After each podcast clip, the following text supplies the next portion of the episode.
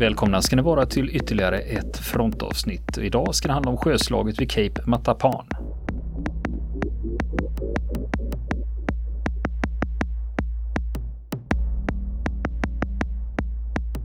Och nu fortsätter vi berätta om slaget vid Kap Matapan.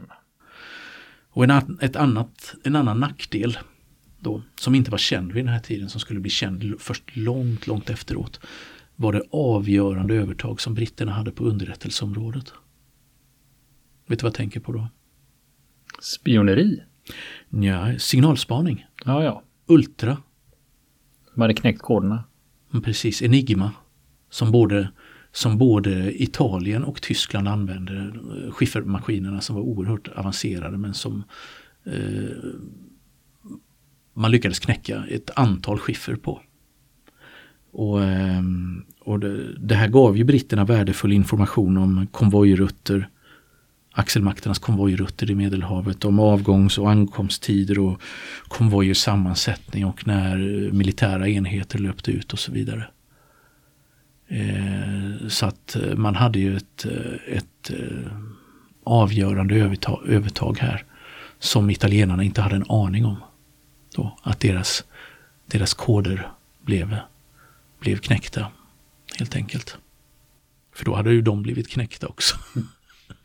Amiralerna. Ja. det är ju det som är lite mm. lurigt när man har den här typen mm. av övertag. Ja. Att mm. problemet för britterna var ju också det här att vi kan inte utnyttja det här till 100 mm. procent. Utan mm. ibland måste vi låta någonting Exakt. Eh, slinka igenom. Ja. För annars kommer de att fatta att, att vi vet, eh, vi vet allt för mycket. jämt. Precis. Precis. Så att det inte ska väcka misstankar. Exakt. Men var vädret fint? På havet, då försvann många av de här italienska nackdelarna.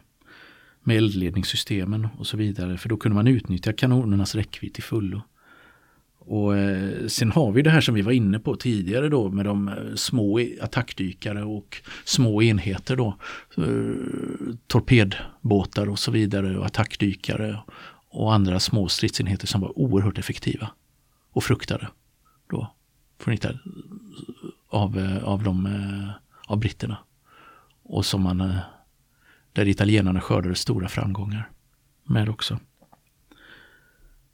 Sen fanns det ytterligare en svaghet om vi, om vi nu ändå är inne på då, det var ju just detta då att man inte fick sina hangarfartyg färdiga och att den italienska flottan inte hade ett eget flyg.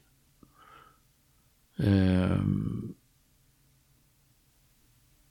och eh, för det hade ju gett en stor fördel just i spaningshänseende framförallt.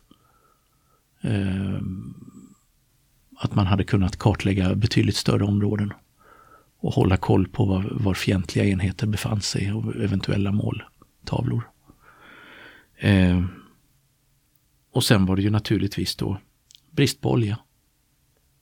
Begränsade operationernas räckvidd och möjligheter. Man fick tänka sig för innan man spenderade de här tillgångarna då under, under kriget. Då. Man led ju av detta då råvarubrist i större utsträckning än vad Tyskland gjorde. Då för man hade inte tillgång till oljekällorna på eh, direkt samma sätt som Tyskland hade utan bara indirekt. Så att det, det var ett stort problem som begränsade flottans rörlighet också då. Man fick tänka sig för och vara försiktig. Liksom. Och eh, när sjökriget då väl var igång då från 1940 så var ju då den italienska flottans främsta uppdrag det var att stödja axelmakterna, axelmaktsstyrkorna som opererade i Nordafrika. Först Italien ensamt och sen då från början av 1941 när det hade gått åt helvete för de italienska styrkorna i kriget mot britterna i Egypten så eh, kom ju Rommels Afrikakår dit också. Och de behövde ju underhåll. Det, skulle, det var ett helvete att vara kvartermästare för Afrikakåren var det, för allting var ju tvunget att skeppas in sjövägen och sen transporteras långa sträckor i öknen för att nå trupperna och så vidare.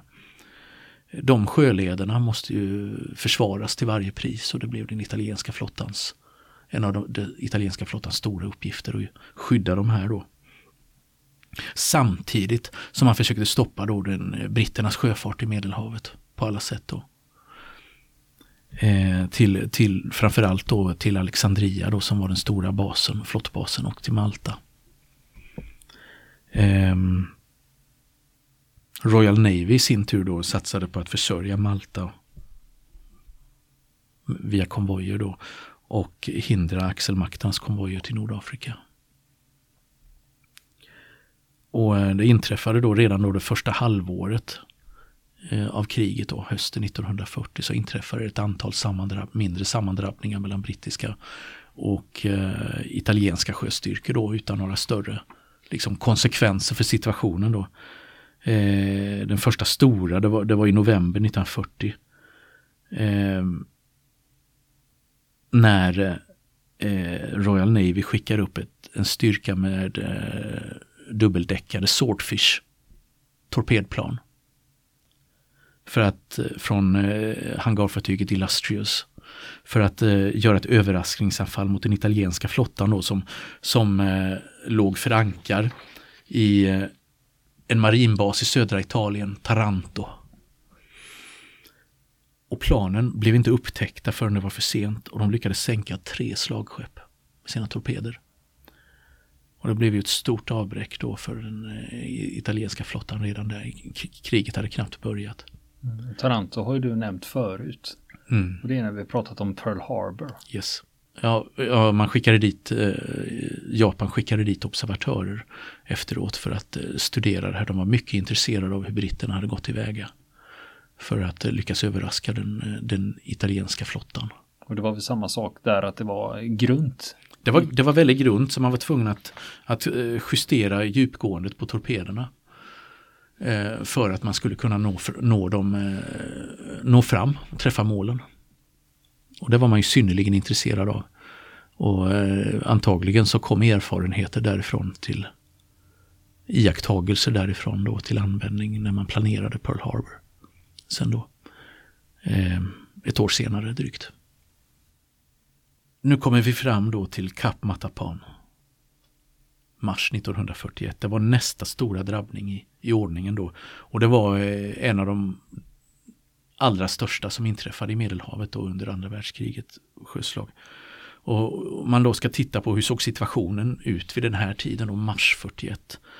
Ja, då pågick ju de här eh, kriget mellan Italien och Grekland. Och gick ju väldigt illa för Italien.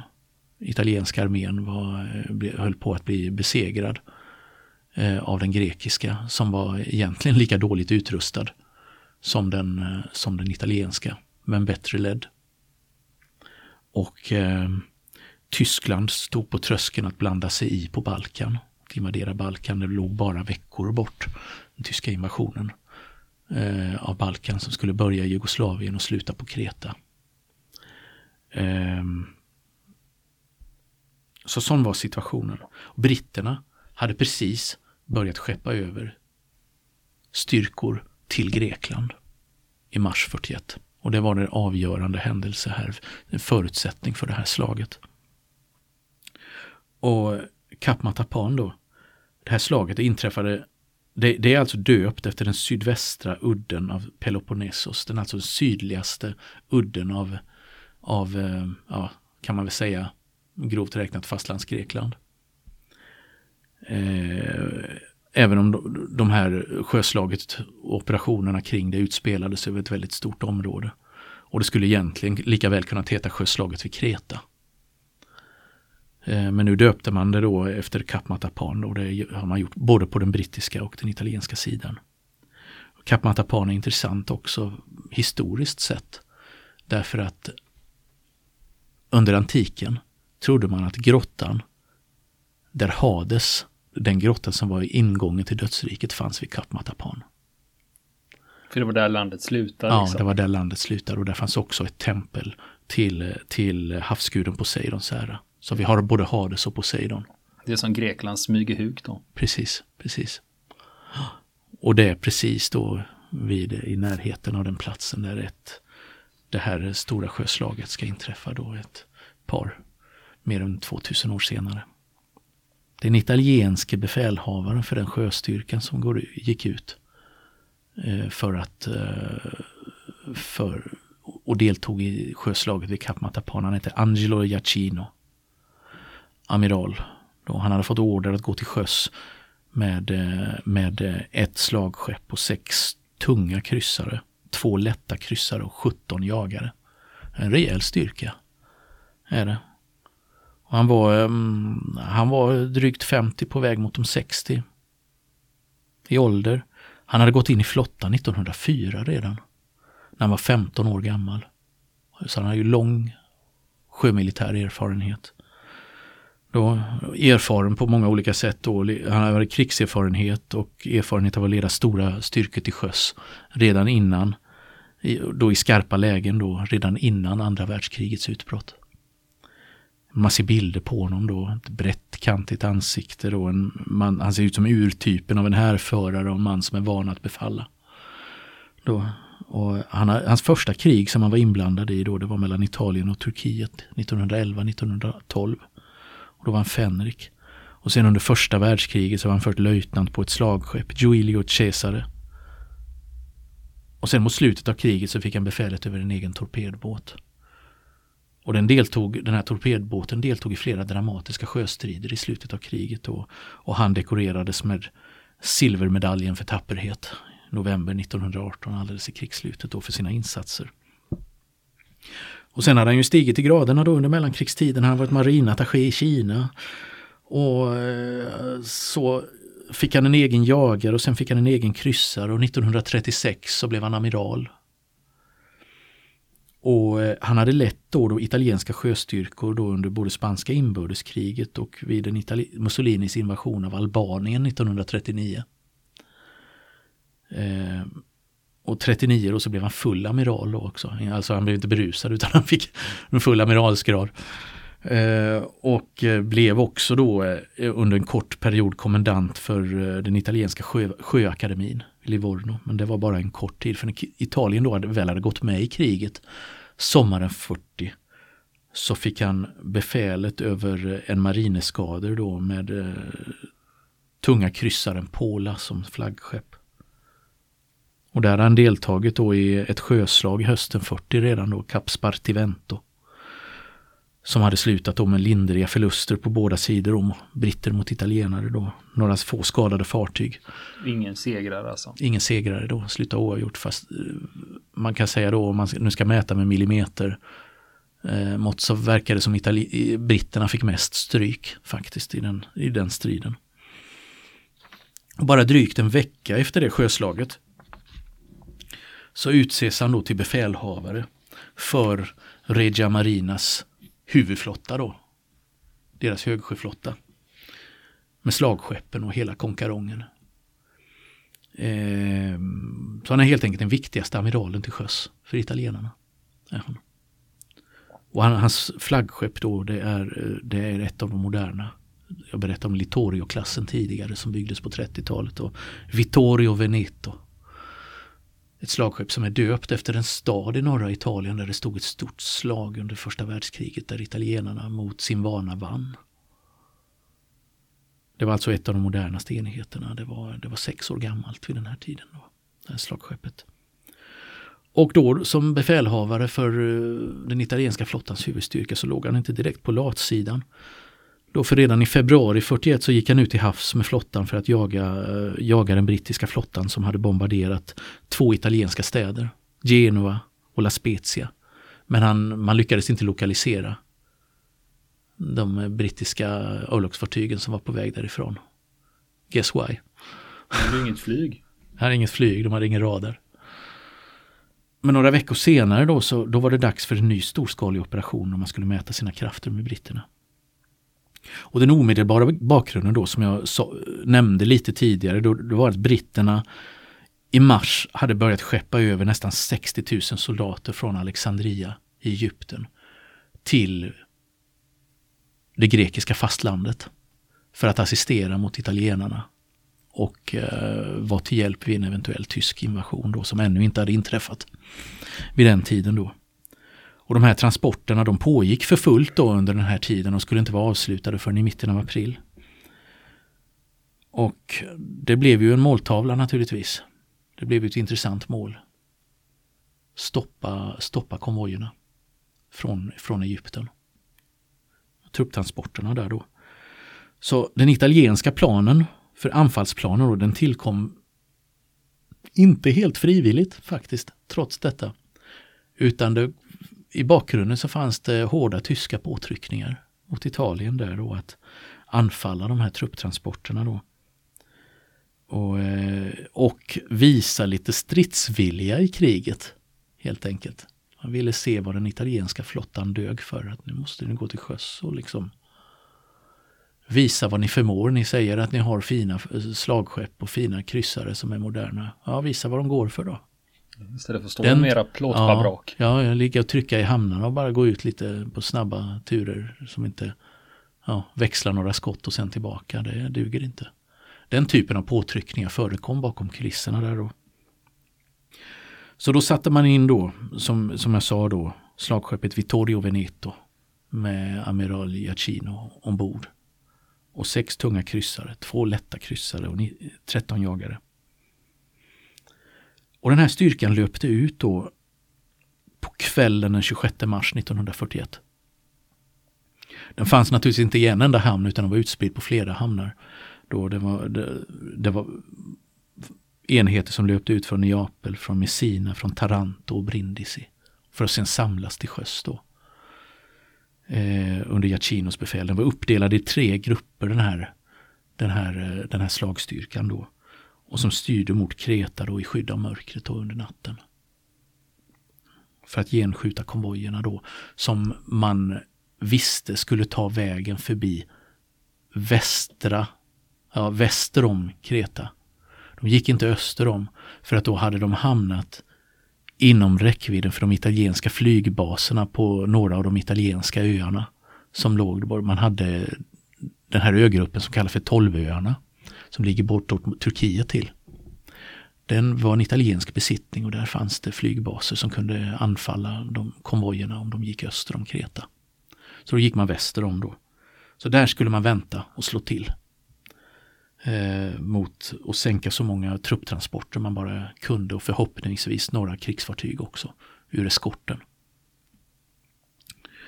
Och eh, utsikterna såg goda ut för italienarna. Amiral Giacchino tyckte att det här, det här ser bra ut faktiskt.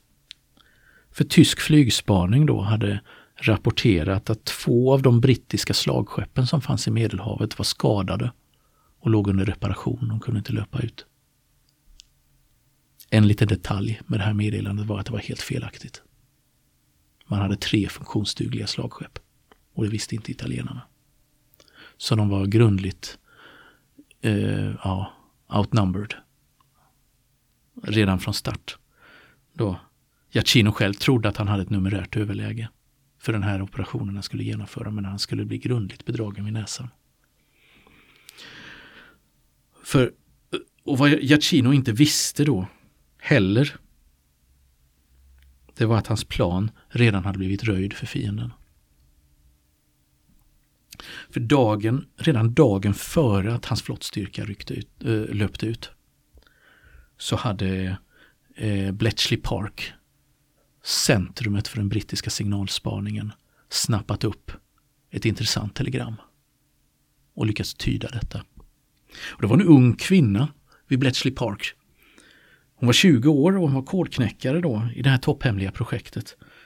Eh, hon kom från Dulwich i södra London och hennes mamma var sömmerska och pappan arbetade på posten. Och hon, hon studerade tyska på universitetet i London när kriget bröt ut.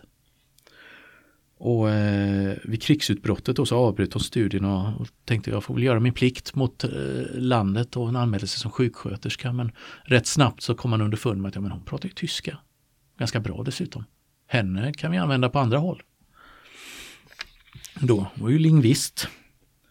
Så då anställdes hon av myndigheterna först för att, eh, de militära myndigheterna, för att läsa annonssidorna i The Times. För att se om, om, om hon kunde hitta kodade spionmeddelanden. Alltså att agenter försökte, tyska agenter som försökte kommunicera med hemlandet via annonser i The Times. Då. Eh, det jobbet hade hon ganska kort tid, bara för sen, redan 1940 då så rekryterades hon till Bletchley Park då som kodknäckare och blev, blev ung assistent då till en legendarisk kodknäckare som heter Dilly Knox. Som hade varit med redan under första världskriget och knäckte så kallade Zimmermann-telegrammet. Som blev den direkta anledning till att USA inträdde i kriget på, på eh, eh, britternas och fransmännens sida. Och det handlar väl om sänkningen av Lusitania då? Ja, nej, det, handlade, ja, det handlade om, eh, om eh, ja, sänkningen av Lusitania var ju en eh, var ju en av anledningarna till att man gick med. Men Zimmermann-telegrammet handlade om att man försökte få Mexiko att gå i krig mot, mot USA. Och massa, massa intriger där som gjorde att det här väckte oerhörd skandal när det här publicerades då. Man hade, man hade, man gav, britterna gav det här eh, materialet till eh, USA som lät publicerade i sina tidningar. Kanske inte så smart med tanke på, på ett sätt. Med tanke på att det röjde ju att man kunde, hade knäckt koden. Mm. Men, det, var, Men det, det ledde för... till att USA kom med i kriget. Ja, då har det varit läge för eh, om eh, USA riskerar att bli invaderad av Mexiko, varit läge att bygga en mur längs med gränsen. Där. Ja, just det. Känner du igen den? Ja, precis. Det hade ju varit, eh, varit bra. för hundra år sedan. Visst det. Och låtit mexikanerna betala för den. Eller just det. Ja. Eh, när hon, den här, den här unga kvinnan då, som heter Mavis Beatty, jag glömde säga hennes namn innan. Eh, den här unga kvinnan som heter Mavis Beatty började jobba på Bletchley Park så fick hon uppdraget att eh, ägna sig åt den italienska flottans enigmakod. Som eh, då ännu var oforcerad. Man hade inte knäckt den. Och hon jobbade i flera månader med det här då. Och i slutet av mars 41 så lyckas hon bryta sig in för första gången i skiffersystemet och kunde plötsligt läsa ett telegram där det stod Idag är dagen minus tre. Och då visste man tre dagar till en viktig operation. Var någonstans? Vad handlade det om? Det visste man ju inte, men man visste att nu är någonting på gång. Så att eh, man spetsar rören, man slår, till alla, slår alla knutar till. Man vet något stort är på gång. Någonstans. Vi måste ta reda på vad handlar det om.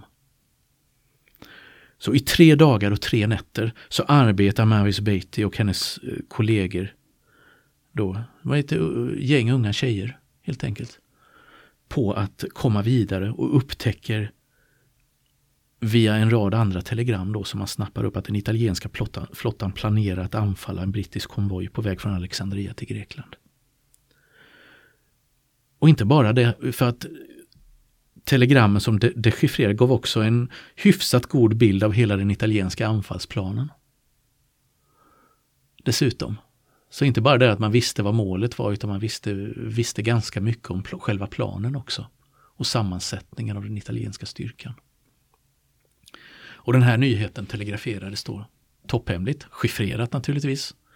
Amiralitetets skiffer till en plats hundratals mil ifrån den regniga England till det soliga Alexandria. Där det var for one man's eyes only. Nämligen befälhavaren för den brittiska medelhavsflottan, Sir Andrew Cunningham.